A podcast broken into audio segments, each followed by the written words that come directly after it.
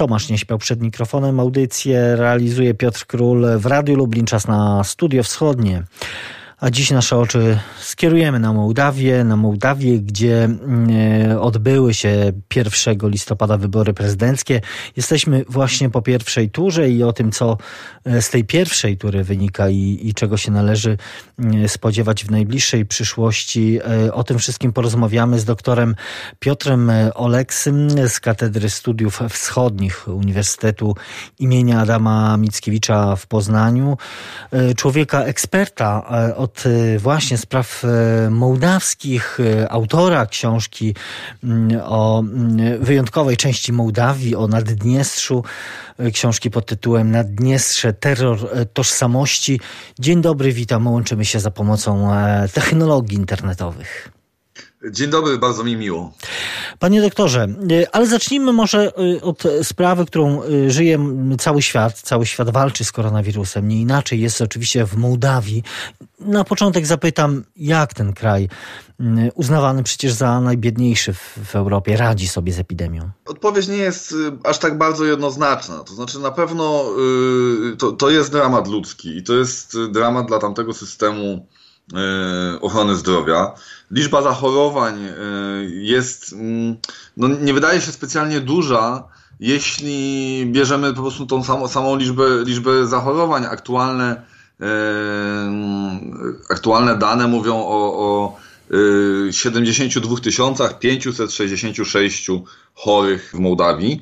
Z tym, że no musimy pamiętać, że to jest w tym momencie mówimy o społeczeństwie około 2,5 milionowym, więc pod tym względem to te, mm, ta liczba zachorowań jest już bardzo duża. Ogromnym problemem przez długi czas był fakt, że jedna trzecia chorych to byli mm, pracownicy mm, służb medycznych, lekarze, pielęgniarki. A już wcześniej, jeszcze przed pandemią, Mołdawia borykała się z bardzo dużymi brakami w, właśnie w kadrach, e, jeśli chodzi o służby, służby medyczne. Czyli tak naprawdę ten, y, ci, którzy mają y, walczyć czy bronić społeczeństwa mołdawskiego przed epidemią, y, to tak naprawdę ich brakuje. Ich brakuje, ich brakowało już, już przed, przed w ogóle pojawieniem się koronawirusa, bo tam już wtedy mieliśmy sytuację, że, że w szpitalach, w przychodniach pracowali często emeryci, bo tylko oni byli młodsi lekarze, medycy, pielęgniarki powyjeżdżali z kraju ja, ale dlaczego powiedziałem, że ona jest y, taka trochę niejednoznaczna? Ja, y, dlatego, że sami Mołdawianie oceniają oczywiście źle rząd, y, oceniają źle walkę z koronawirusem i, i, i, to jest tragedia. Chociaż szczerze mówiąc, kiedy to wszystko się zaczynało, to ja się obawiałem, że w Mołdawii może być jeszcze gorzej, właśnie ze względu na ten, ten słaby stan służby zdrowia.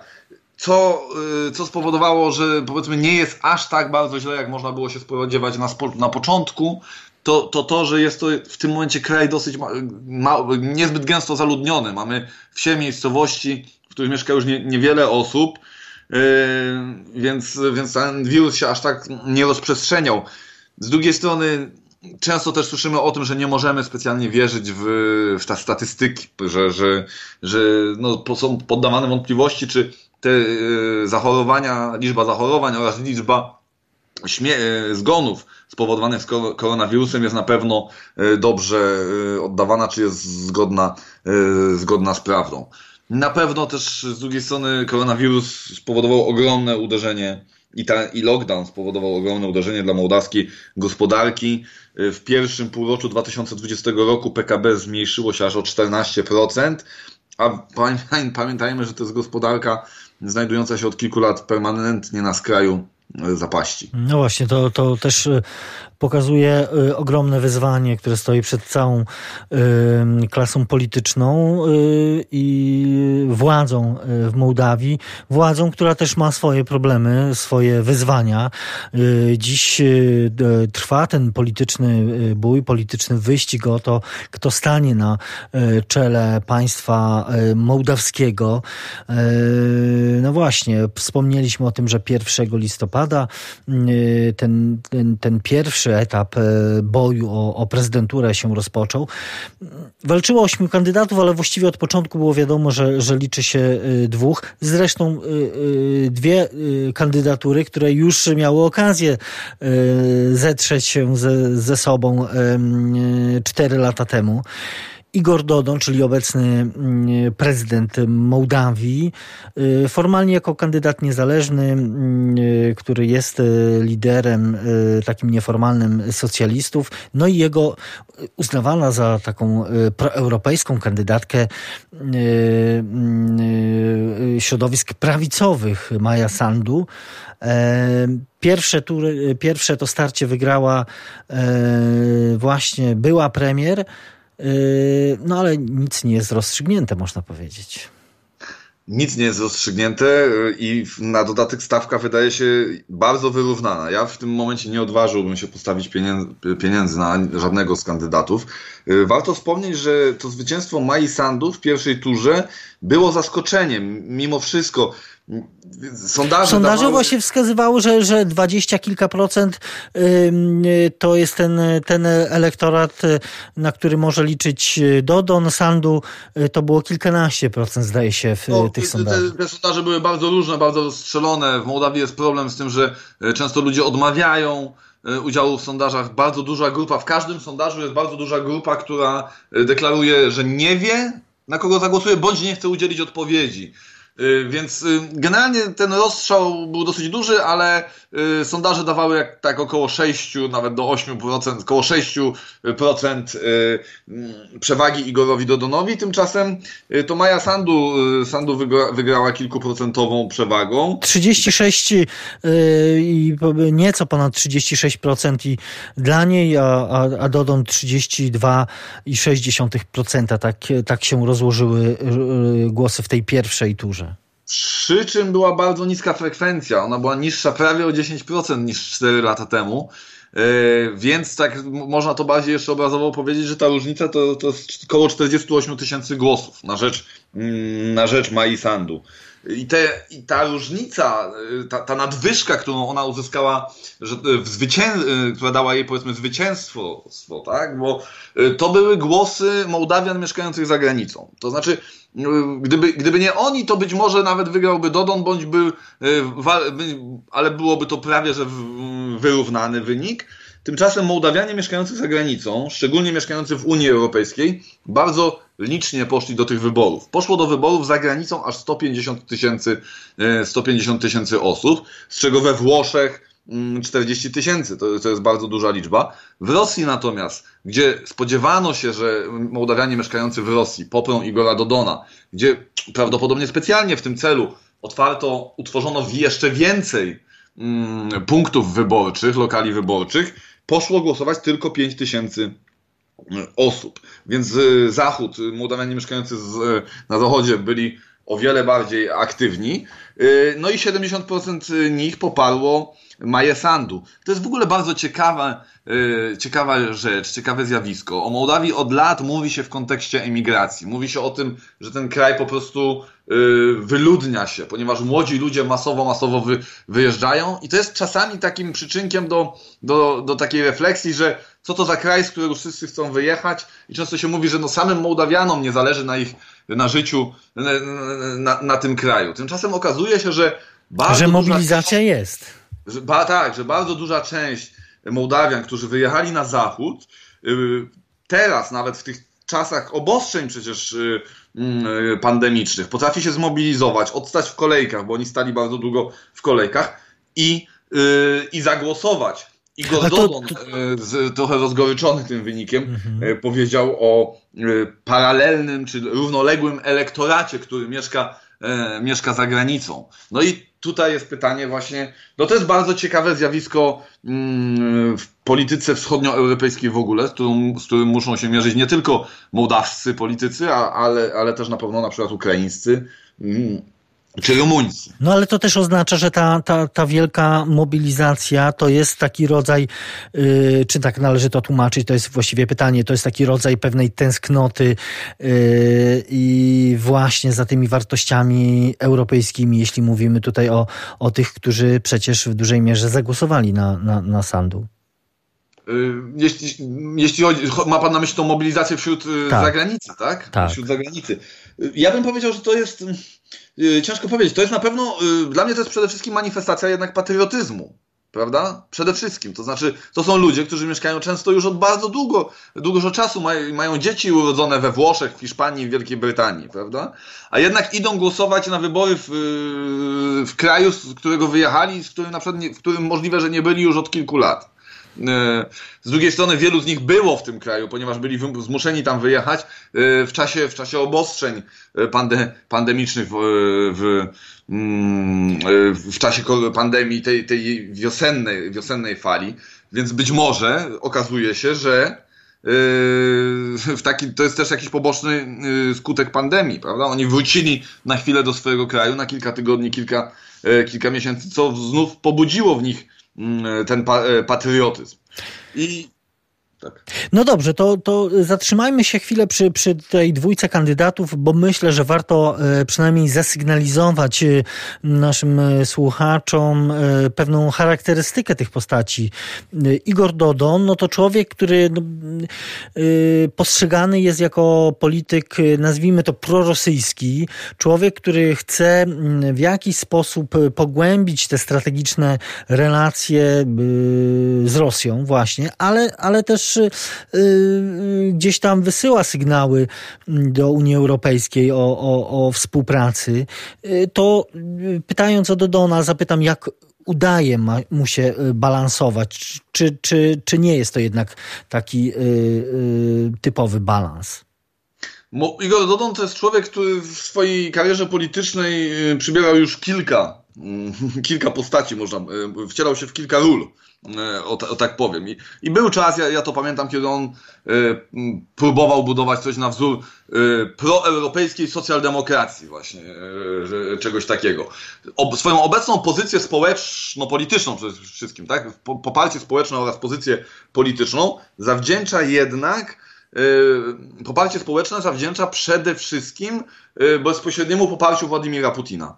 Moskwa, Kreml, Kreml zainwestowały wiele wizerunkowo w promowanie Dodona w Mołdawii i uczynienie z niego tak ważnej figury e, politycznej. Z drugiej strony swoją pozycję polityczną zawdzięcza umiejętnemu lawirowaniu pomiędzy właśnie Putinem, który, który go wspierał i wspiera do tej pory. Zresztą takie dziennikarskie śledztwo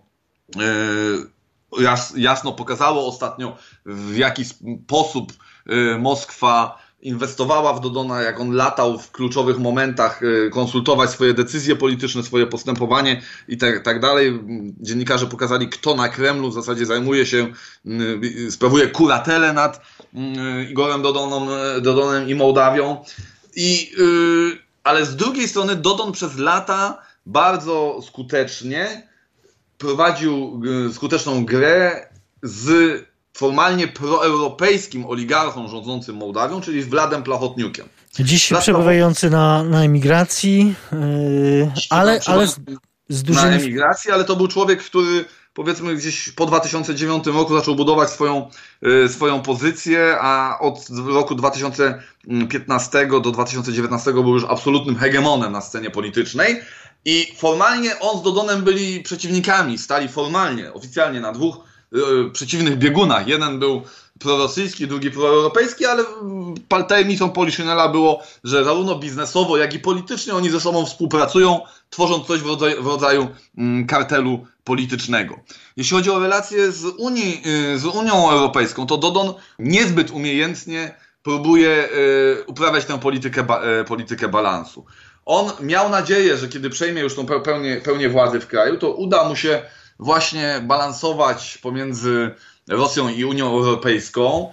E, niemniej został dosyć chłodno przyjęty przez, e, mm, przez polityków e, europejskich. Oczywiście, oczywiście udaje mu się cały czas pozyskiwać dofinansowanie dla Mołdawii z, z, zarówno z Unii Europejskiej, jak i z Międzynarodowego Funduszu mm, Walutowego. No ale jednak liczył na, na, na, na większą, większą chemię, e, że, e, że tak powiem. Tymczasem politycy e, europejscy dystansują się od niego, przede wszystkim zarzucając mu nie prorosyjskość, tylko liczne powiązania, podejrzenia o powiązania korupcyjne i mm, no, pewne grzebanie w systemie demokratycznym, tak, w, w ograniczanie, ograniczanie demokracji. To jest główny zarzut polityków europejskich wobec Igora Dodona do, do y, tych politycznych y, kwestii też dochodzi ta bieżąca sytuacja, no bo y, urzędujący prezydent y, no,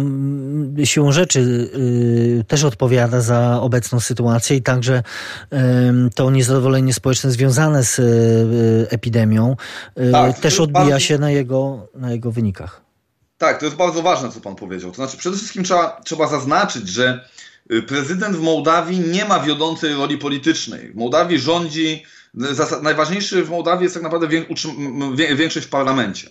Mołdawia jest parlamentarną republiką. Rządzi rząd, y, który musi mieć y, większość w parlamencie. Prezydent pełni w dużej mierze funkcję reprezentatywną i, i, i naprawdę jego pełnomocnictwa nie są zbyt duże i władza Igora Dodona bierze się raczej nie z tego, że on jest w funkcji prezydenta, tylko z tego, że on jest, oprócz, oprócz tego, że jest prezydentem, jest też realnym liderem obozu politycznego e, swojej partii socjalistów i, i, i, i koalicyjnej wobec e, nich partii demokratycznej. Ale też chyba Teraz... ta sytuacja, niestabilna sytuacja polityczna, e, pamiętamy te ubiegłoroczne no, problemy, jeśli chodzi o, o wyłonienie większości, o, o, o rząd przecież, na, na, na czele którego sta, stanęła Maja Sandu właśnie, to też pokazuje, że ta niestabilność chyba sprzyja temu, że, że to też du duża część tej nieformalnej władzy cały czas spoczywa na, na Dodonie właśnie. Można tak to ująć, tak, oczywiście. No, ogólnie Mołdawia jest krajem, który od jakiegoś czasu się nie, nie, nieformalna, nieformalna władza nieformalne powiązania bardziej stanowią o władzy niż to, co jest wpisane w konstytucji, ale to przecież nie tylko, mm, nie tylko Mołdawia, bo, bo, bo to, to, to jest w wielu, w wielu krajach, nawet w mhm. Polsce mamy obecnie taką sytuację. Ja chciałem powiedzieć coś innego, że właśnie to, że Dodon jest bezpośrednio kojarzony jako lider obozu, obozu rządzącego, obciąża go właśnie, obciąża mm, go z, to niezadowolenie społeczne spowodowane zarządzaniem pandemią i, i, w czasie pandemii i kryzysem gospodarczym. I teraz on znalazł się w o tyle trudnej sytuacji, że, są sytuacji, że Mołdowianie trochę przestali się interesować geopolityką. I, i po, ta opowieść o bliskim sojuszu z Rosją, o konserwatywnych wartościach, o złej Europie, to już przestało ich trochę, e, trochę interesować, bo oni są w dramatycznej sytuacji i chcą Y, skupienia się na ich własnych problemach, na kwestii korupcji, zarządzania państwem, dobrego rządzenia. Tymczasem no, ciężko Dodonowi jest opowiadać o, y, o tych właśnie kwestiach, skoro to on mm, rządzi od, od, kilku, od kilku miesięcy. I teraz to go obciąża, a fakt, że Mołdawianie w mniejszym stopniu interesują się geopolityką niż do niedawna, a przez lata było tak, że to właśnie czynnik geopolityczny, kwestia wyboru cywilizacyjnego, jak to było tam przedstawiane, rządziła e, emocjami społecznymi. No i teraz Dodon był trochę w takiej pułapce, że ciężko mu było znaleźć język komunikacji ze, spo, ze, ze społeczeństwem. W jakiś sensie próbowała chyba mu przyjść na pomoc Rosja, ponieważ ustami szefa służby wywiadu zagranicznego Sergieja Naryszkina oraz y, szefa MSZ rosyjskiego Sergieja Ławrowa Rosja ostrzegała, że Stany Zjednoczone próbują E, zorganizować e, kolejną kolorową rewolucję w Mołdawii, na wzór Białorusi teraz i, i Kirgistanu. No, e, to jest, ja to postrzegałem, postrzegałem w dużej mierze jako próbę właśnie podgrzania emocji geopo, geopolitycznych, wokół geopolityki w, samej, w samej Mołdawii, co na pewno mogłoby pomóc Dodonowi. E, rozmawiamy o, o, sytuacji e, politycznej i polityczno-społecznej w Mołdawii, która wybiera swojego prezydenta. Naszym gościem jest dzisiaj dr Piotr Oleksy z Katedry Studiów Wschodnich Uniwersytetu imienia Adama Mickiewicza w Poznaniu. My do naszej rozmowy wracamy za kilka chwil. W Studiu Wschodnim wracam do rozmowy z doktorem Piotrem Oleksym z Katedry Studiów Wschodnich Uniwersytetu imienia Adama Mickiewicza w Poznaniu. Rozmawiamy o Mołdawii, która wybiera prezydenta. Panie doktorze, no właśnie, y, dziś y, pierwszoplanowym y, politykiem jest Igor Dodon, urzędujący prezydent, no ale, ale wyniki tej pierwszej tury pokazują, powiedzmy, przypomnijmy, o tym rozmawialiśmy w pierwszej części polityk uznawany za polityka prorosyjskiego i de facto nim będący, no ale, ale tę, tę pierwszą turę wygrywa Maja Sandu, mm, była minister, była premier, też była rywalka cztery lata temu Igora Dodona, wtedy, wtedy przegrała z nim, także mierzyła się z nim w drugiej turze wyborów. Wówczas przegrała, uznawana za polityk proeuropejską. No właśnie, kim jest główna przeciwniczka i no i w tej chwili można powiedzieć liderka tego wyścigu o urząd prezydenta Mołdawii? Maja Sandu tak, to jest bardzo ciekawa postać, nietypowa, jeśli chodzi o nie tylko Mołdawię, ale w ogóle wschodnioeuropejską scenę polityczną. Ja obserwuję jej rozwój, jej kariery i jej osobowości już od kilku lat z uwagą. Ona pojawiła się, można powiedzieć, na scenie politycznej mołdawskiej w 2012 y, roku. Tam wtedy trwał kryzys polityczny, y, prezydencki. Mołdawia nie miała prezydenta, ponieważ rządząca, y, wtedy prezydenta wybierał, wybierał parlament i rządząca wtedy koalicja proeuropejska nie miała takiej większości głosów w parlamencie, żeby zapewnić sobie wybór prezydenta. Brakowało im trzech głosów dosłownie. I pojawiały się wtedy nazwiska takich mm, apolitycznych autorytetów, które mogłyby na przykład objąć e, tą funkcję w imię zgody narodowej. I pojawiło się właśnie wtedy nazwisko Mai, Mai Sandu, e, wtedy mm, dosyć wysoko postawionej pracowniczki e, Banku Światowego, absolwentki Uniwersytetu Harvarda, więc, więc robiło to wrażenie ta koalicja nie mogła sobie pozwolić na obsadzenie aż tak niezależnej postaci na mm, stanowisku pre prezydenta, ale Mai Sandu zaproponowano e, fotel, e, stanowisko ministra edukacji i ona bardzo poważnie wzięła się za reformę systemu edukacji, walcząc przede wszystkim z korupcją, to było najważniejsze w tym systemie, która była mm, wszechobecna na, na wszystkich poziomach i, e, i, i modernizując, starając się zmodernizować bardzo, bardzo ten system. I to wtedy stworzył się mit Mai Sandu, jeszcze nie aż tak rozpowszechniony jak teraz, ale gdzieś tam w tym elektoracie proeuropejskim, jako polityczki pryncypialnej, dążącej do celu i nie dającej się, nie poddającej się, się naciskom. Ona, Ona zresztą teraz y, po, po tej pierwszej turze też yy, yy, cały czas y, też używa takiej narracji, mówi o tym, że yy, ten jej wynik y, to jest dowód na to, że naród wystąpił przeciwko złodziejstwu i bezprawiu. Tak, tak, tak, dokładnie tak. I co więcej, i ona mm, w kampanii wyborczej była bardzo szczera i boles, szczera aż do bólu. Ona na przykład, ona w zasadzie niczego teraz nie obiecywała. Nie obiecywała, że, że będzie dobrze, że będzie lepiej, kiedy ona będzie rządzić. Ona cały czas mówiła o skali problemów i patologii, które trawią ten kraj, a jedyne co obiecywała to to, że ona y, będzie szczerze i do końca walczyć, żeby je naprawić jako prezydent. I, i, i nie obiecywała przy tym wcale, że, że, że, to, że to będzie gładka walka, która, która, że to się łatwo załatwić, wręcz przeciwnie. No. Powiedzieć, że jedyne co obiecywała to jest krew, pot i łzy, to być może jest lekka przesada, bo aż takich słów nie używała, ale mniej więcej w tą, y, w tą tonację wchodziła. I to jest ciekawe, bo ona przez lata była, przez parę lat była kojarzona właśnie jako polityk przede wszystkim prozachodni, czy też kandydatka na przykład Waszyngtonu, czy też kandydatka Berlina. Y, utożsamiano ją również ze środowiskiem prorumuńskim. Ona miała kilka wypowiedzi takich bardzo prorumuńskich. Raz nawet zdarzyło się jej powiedzieć kilka lat temu, że gdyby y, teraz odbyło się referendum, to zagłosowałaby za, y, za, za przyłączeniem Mołdawii, Mołdawii do, do Rumunii. Ona bardzo dojrzewała przez te lata. Założyła swoją partię, Mm, ta partia, najpierw ruch y, społeczny, później partię. Ona była, ta partia, która nazywa się Partia Działania i Aktywności, w skrócie PAS, co oznacza krok po, po, po rumuńsku.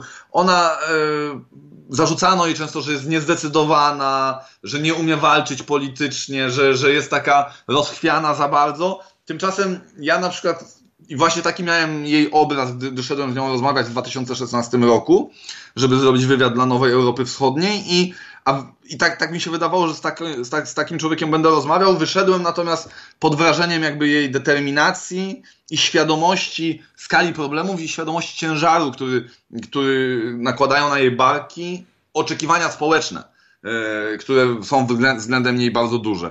I tak jak mówię, ona dojrzewała yy, do roli, którą teraz może niedługo spełnić, a bardzo dużym krokiem w tym wszystkim był czas, te kilka miesięcy, kiedy sprawowała funkcję premiera to był ten niezwykły taki moment. No właśnie, bo to wyjaśnijmy, bo to też była e, e, sytuacja absolutnie wyjątkowa, bo ona e, mogła stanąć na, tego, na czele tego rządu. Zresztą e, przez sąd konstytucyjny uznanego za niekonstytucyjny, ale, e, mm, ale ona mogła objąć ten urząd właśnie dzięki porozumieniu z Dodonem. Dokładnie tak, dokładnie tak. Chodziło tutaj w tym wszystkim o pozbycie się systemu politycznego, bo już bym powiedział, Wlada Plachotniuka, tego oligarchy, który zawłaszczył, e, można powiedzieć, państwo.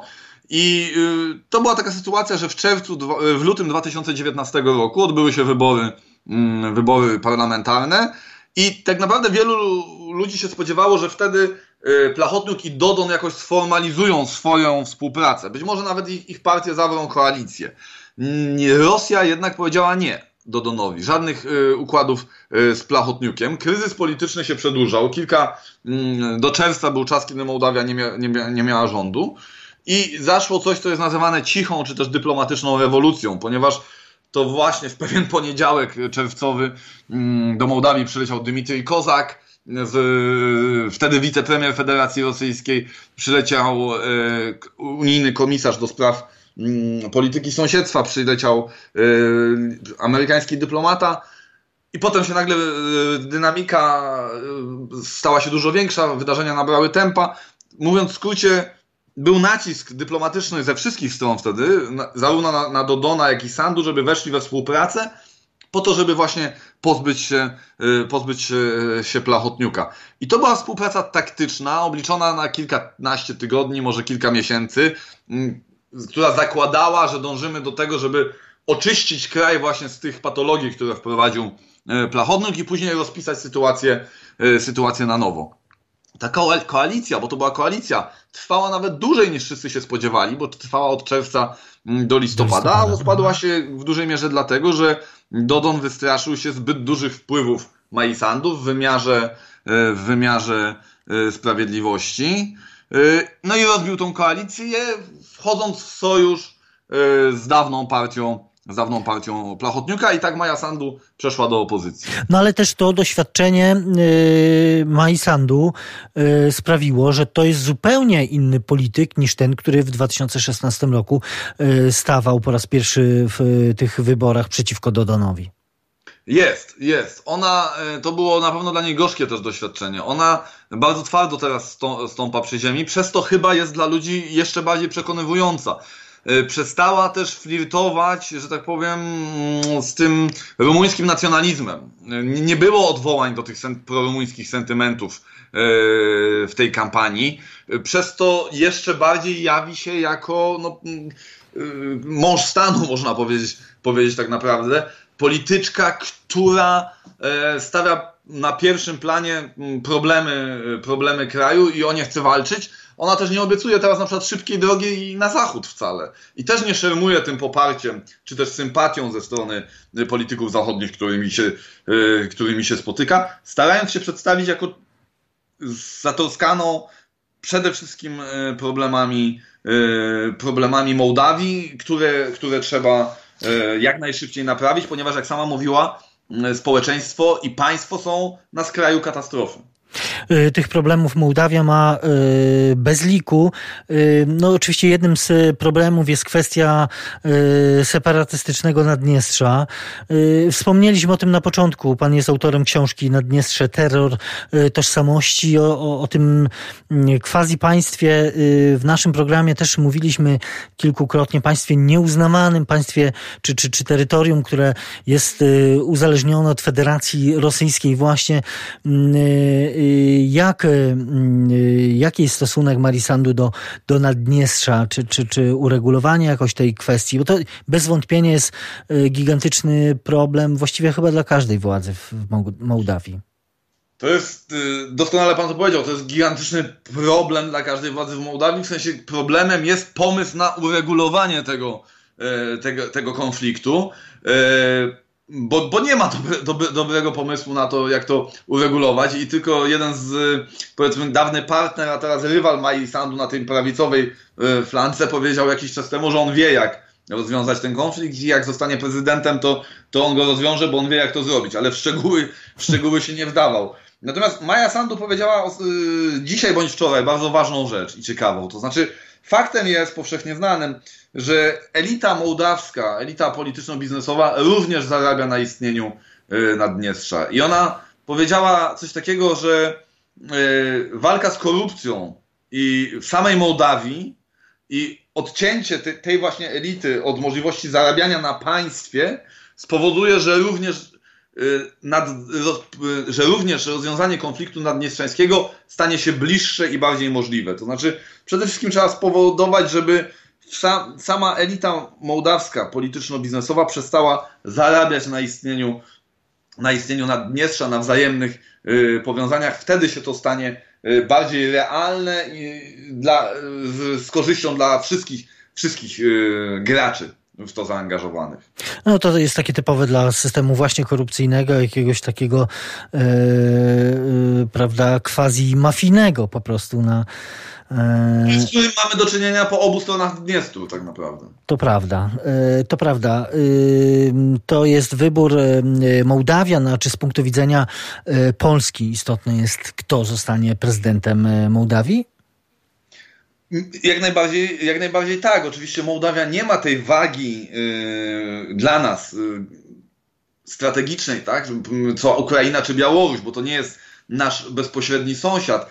Niemniej rozwój polityczny yy, i społeczno-polityczny Mołdawii ma ogromne znaczenie z jednej strony dla Ukrainy, która jest dla nas bardzo ważna, yy, i, i w ogóle dla całego regionu, yy, regionu czarnomorskiego. Poza tym, no, takie procesy, które zachodzą w Mołdawii na przykład, czy, czy na Ukrainie i tak dalej, one, y, te społeczeństwa się obserwują, one mają te procesy na siebie, na siebie wzajemny wpływ i jakiś taki pozytywny przełom w Mołdawii, w którym nie chodzi o to, że wygra opcja prozachodnia, proeuropejska, bo opcja, opcja prozachodnia tam już rządziła i do zbyt wielu rzeczy dobrych, nie, znaczy doprowadziła do kilku dobrych rzeczy, ale również do, do wielu y, bardzo złych. Chodzi o to, żeby wygrała po prostu opcja proobywatelska, która stawia godność człowieka, obywatela wobec państwa mm, na pierwszym miejscu. Tak? Mołdawianie tak naprawdę są trawieni od y, kilkudziesięciu lat opowieścią o godności narodu, cywilizacji, kultury y, i tak dalej, a sami wychodzą na tym najgorzej. Maja Sandu stała się teraz człowiekiem, który mówi, który mówi przede wszystkim o walce, o, o, o byt i godność Mm, zwykłego, zwykłego człowieka. Druga tura wyborów e, prezydenckich w Mołdawii 15 listopada, ale co w takim razie w tym y, kluczowym momencie zdecyduje o, o zwycięstwie? No bo tak jak pan powiedział na początku, y, trudno dziś y, z całą pewnością stwierdzić, kto to wygra. Ta różnica jest zbyt mała. Z drugiej strony też obie postaci niezwykle wyraziste. Co będzie decydować decydowało o, o tym ostatecznym e, wyniku w e, wyborach prezydenckich w Mołdawii? Jest kilka czynników, które o tym e, zadecydują. I po kolei, chociaż ta kolejność również dobrze mogła być inna. Jest trzeci kandydat, który uzyskał bardzo dobry wynik, prawie 17%. Pytanie, co zrobią jego zwolennicy?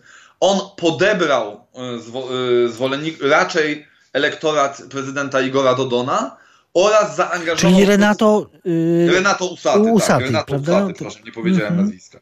Podebrał w dużej mierze elektorat y, Igora Dodona, elektorat y, kulturowo y, nastawiony dosyć pozytywnie do Rosji, ale z drugiej strony zaangażował w proces polityczny też taki elektorat protestu. Ludzie, którzy, ludzi, którzy być może nie poszliby w ogóle głosować, bo oni są nastawieni antyelitarnie, antyestablishmentowo, no i pytanie, jak oni się zachowają, jak zachowa się sam Usaty, jeszcze tego nie wiadomo.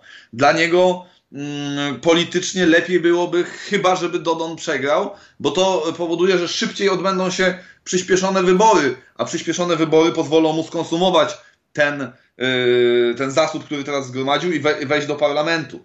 Z drugiej strony on może nie chcieć uderzać wprost w Dodona, ponieważ może się bać e, pogorszenia swoich relacji mm, e, z, z, z Rosją, z Moskwą, gdzie, gdzie już teraz one są, są nie najlepsze. Z drugiej strony nie wiemy tak naprawdę, jak ci wyborcy się zachowają, bo na ile oni w tym wszystkim posłucha, poszukają, posłuchają Usatego. Także te, te 17% wyborców, którzy głosowali na, w pierwszej turze na Renato Usatego, jak oni zagłosują w drugiej turze? Duża część z nich na pewno poprze Dodona. Ale jaka to będzie? Czy to będzie jedna trzecia, czy to będzie połowa, czy, czy więcej? To jest tak naprawdę nie wiadoma. Y, druga sprawa jest taka, że no, y, będzie prawdopodobnie mógł liczyć Igor Dodon na, na głosy y, kandydatki partii Shore. To jest taka partia typowo socjalna, dosłownie kupująca, można powiedzieć, w obrzydliwy sposób głosy najbiedniejszych.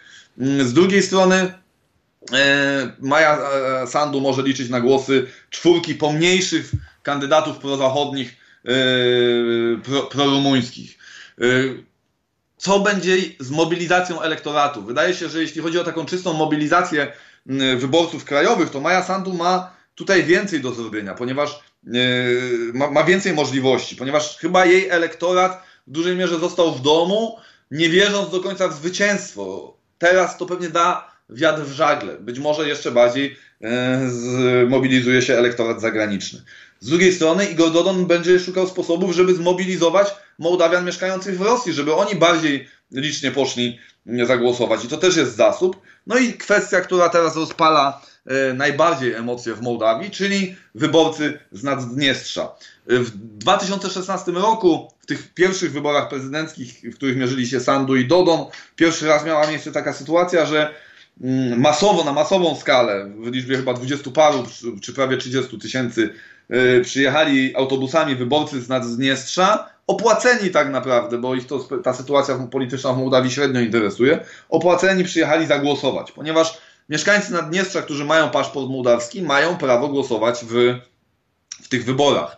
W tym roku utworzono dla nich jeszcze więcej e, lokali wyborczych. 17. No i wszyscy tak? się spodziewają, że Dodon spróbuje zorganizować taką, taką zmasowaną akcję. W pierwszej turze nie było ich zbyt wielu, tylko 14 tysięcy.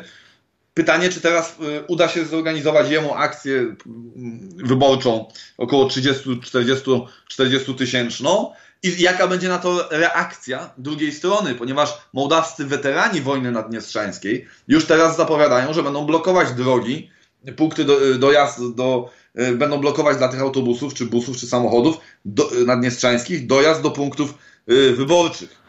No to też jest sytuacja niebezpieczna, bo biorąc pod uwagę mm, czystą e, jakby taką literę prawa, to oni mają prawo w tych wyborach, wyborach wziąć udział. No i i, I, na tej fali mo, mo, może dojść do jakiegoś rozwoju napięcia społecznego. Tutaj pytanie oczywiście jest y, cała masa y, y, tych wyzwań stojących przed zarówno przed Igorem Dodonem, jak i Mają Sandu, przed tą drugą e, turą e, równie wiele. E, będziemy oczywiście to obserwować. Też mam nadzieję, że będziemy wracać do, do tych rozstrzygnięć właśnie mołdawskich. A tymczasem za dzisiaj bardzo dziękuję. Był z nami dr Piotr Oleksy z Katedry Studiów Wschodnich Uniwersytetu imienia Adama Mickiewicza w Poznaniu. Jeszcze raz bardzo dziękuję za rozmowę. Dziękuję bardzo. I to wszystko w naszym programie na dzisiaj. Za uwagę dziękuję Tomasz Nieśpiał i Piotr Król. Studio Wschodnie wraca na antenę Radia Lublin za tydzień. Do usłyszenia w następną niedzielę po godzinie 14.